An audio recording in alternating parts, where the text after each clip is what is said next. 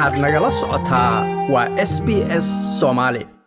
ururada bulshada rayidka ayaa ku teliyey in la dedejiyo qabashada doorashooyinka aqalka hoose iyo midda madaxtinimo ee u muuqata in mar kale uu dib u dhac ku yimid jadwalkii u degsanaa iyagoona sidoo kale ka hadlay siday uga xun yihiin khilaafka ka dhex jira madaxda sare ee dalka ee aan weli xal laga gaarin.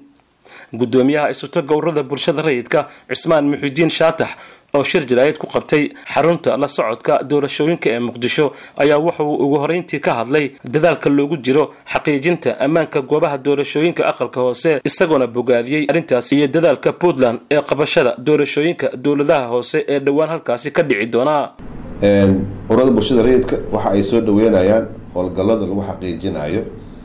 xaaladaha amniga ee magaalooyinka loo qooday inay ka dhacaan doorashooyinka kuwaas oo ay wadaan amisom iyo dowladda dowladaha xubnaha ka dowladaha federaalka si looga saaro shaki badan oo ay qabaan dad musharaxiin ah oo ku aadan ammaanka deegaanadaas sida baraawe iyo beledweyne oo hadda howlgalladaas lagu xaqiijinaya ammaankooda ay socdaan. Aadaan u bogaadinaynaa tallaabadaas la qaaday oo ku aadan xaqiijinta doorashooyinka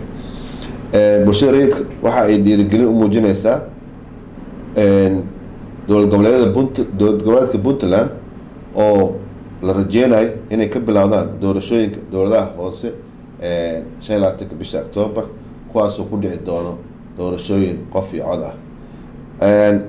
Hirgelinta doorashooyinka dowladaha hoose waxa ay aas-aas u yihiin nidaamka dowladnimada waana halka ay ka dhiman dowladnimada soomaaliya oo ah mid ka dhisan heekalka kore sidaas darteed tallaabadan ay qaadeen dowlad goboleedka puntland waa mid mudan in la dhiirigeliyo laguna daydo.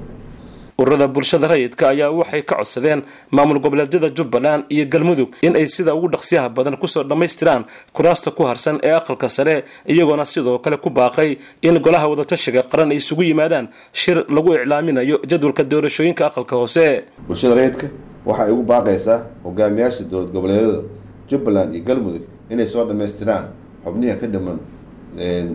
aqalka sare oo maanta muhiim u ah in la soo gabagabeeyo. Ma muuqato sabab dib u sii dhigi karta doorashooyinka xubnaha siito aqalka sare ee ka dhiman jubbaland iyo galmudug waxaa madaxda dowlad goboleedyadaas ku dhiirigelinaynaa inay soo dhammaystiraan doorashooyinka aqalka sare sida ugu dhaqsiyaha badan. Bulshada rayidka waxa ay laga maarmaan u aragtaa in sida ugu dhaqsiyaha badan ay shir isugu yimaadaan madaxda golaha wadatashiga qaran si heshiis looga gaaro jadwalka doorashooyinka golaha shacabka gudi guddoomiyaasha labada aqal aqal sare aqalka golaha shacabka iyo doorasho doorashada madaxweynaha. Oo maanta muhiim u ah shacabka soomaaliyeed inay ogaadaan qaabka ay doorashada u dhici doonto iyo siday ugu go-an tahay golaha wadatashiga qaran dhamaystirka doorashooyinka dalka ka ururada bulshada rayidka ayaa madaxda sare ee dalka waxay ugu baaqeen inay dhammeeyaan khilaafka u dhexeeya kaasi oo ragaadin karaa siday yidhaahdeen arrimaha doorashooyinka waxaanay ugu dambayntii soo dhoweeyeen go'aanka maxkamadda cadaaladda dunida i c j ee murankii badda soomaaliya iyo kenya. Bulshada rayidka waxa ay walwal weli walwal ka qabtaa natiijo la'aanta dowladda dadaalada lagu xalinayo khilaafka madaxda dalka kaasoo u muuqda mid sii kala fogeynayo madaxda iyadoo waktiga waktigan loo baahan yahay inay wada shaqeyn ka yeeshaan sidii dalka looga saari lahaa xaaladda adag ee uu ku jiro. Si kastaba ha ahaatee bulshada rayidka waxay u soo jeedinaysaa madaxda dalka inay sida ugu dhaqsiyaha badan u dhameeyaan khilaafkooda iyagoo tixgelinaya mas'uuliyadda ka saaran shacabka iyo dalka soomaaliya. Ugu dambeyntii anagoo ka faaidaysaneen arrintan bulshada rayidka waxa ay soo dhaweyneysaa go'aankii maxkamadda adduunka ay ku gaartay murankii badda ee u dhexeeyey soomaaliya iyo kenya. Inkastoo sidii aan filayni uusan ahayn haddana waa wax la aqbali karo. Mar haddii aan mar haddii aan maxkamadda go'aanka kama dambeys ah ay ku gaartay. Muranka xuduudda badda ee soomaaliya iyo kenya waxa uu shaki badan geliyey xiriirka labada dal oo dano badan ka dhexeeyaan. Waxaana ugu baaqaynaa dowladda federaalka inay xaqiijiso sidii loo hirgelin lahaa go'aankii maxkamadda adduunka iyadoo laga fikirayo xiriirka labada dal laysna ixtiraamayo dhanka kale iyada oo ururada bulshada rayidku ay walaac ka muujinayaan dib u dhac ku yimid mar kale wakhtigii doorashooyinka ayaa dhanka kale afyeenka guddiga doorashooyinka heer federaal axmed aadan axmed safiina oo la hadlay laanta afka soomaaliga idaacadda b b c da waxa uu rajo wanaagsan ka muujiyey in doorashada aqalka hoose ay qaban doonaan iminkana la bilaabay xaraynta ergooyinka soo dooranaya xubnaha baarlamaanka ee ka imaanaya koonfur galbeed. Doorashada shaqadeedii iyo maahay bartamaheedii baa lagu jira hadda waxa noo bilaabmay in aanu ergadii koonfur galbeed shaqadeedii la galo oo kuraasteediina dhowaan la doortay haddii ilaha idhaahdo ergadu inay noqoto boqol iyo kow iyo in maamul goboleed kasta laba laba magaalo lagu qabto wuxuu ahaa heshiiskii toddobiyo tobankii sebtembar baarlaman baa ansixiyey oo gacanta u taagay oo cod aqlabiyada ku ansixiyey.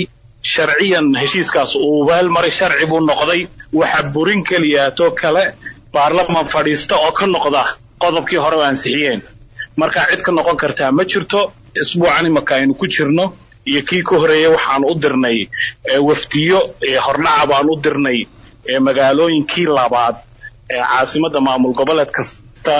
mooyaane magaaladii labaad ayn doorashadu weli ka dhicin sida magaalada la yidhahdo beledweyn magaalada la yidhaahdo baraawe iyo magaalada la yidhaahdo boosaaso. Sidoo kale gaalkacyo iyo gedana waa la tegaya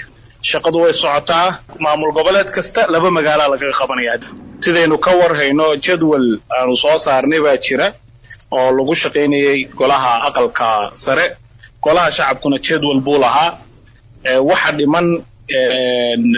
lix kursi oo keliyata ayaa golihii sare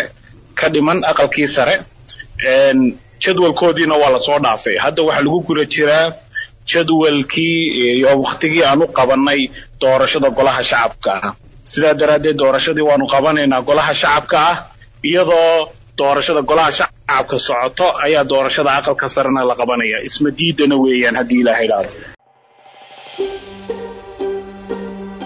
ma doonaysaa sheekooyinkan oo kale ka dhegayso apple podcast google podcast spotify ama meel kasta oo aad podcastigaaga ka hesho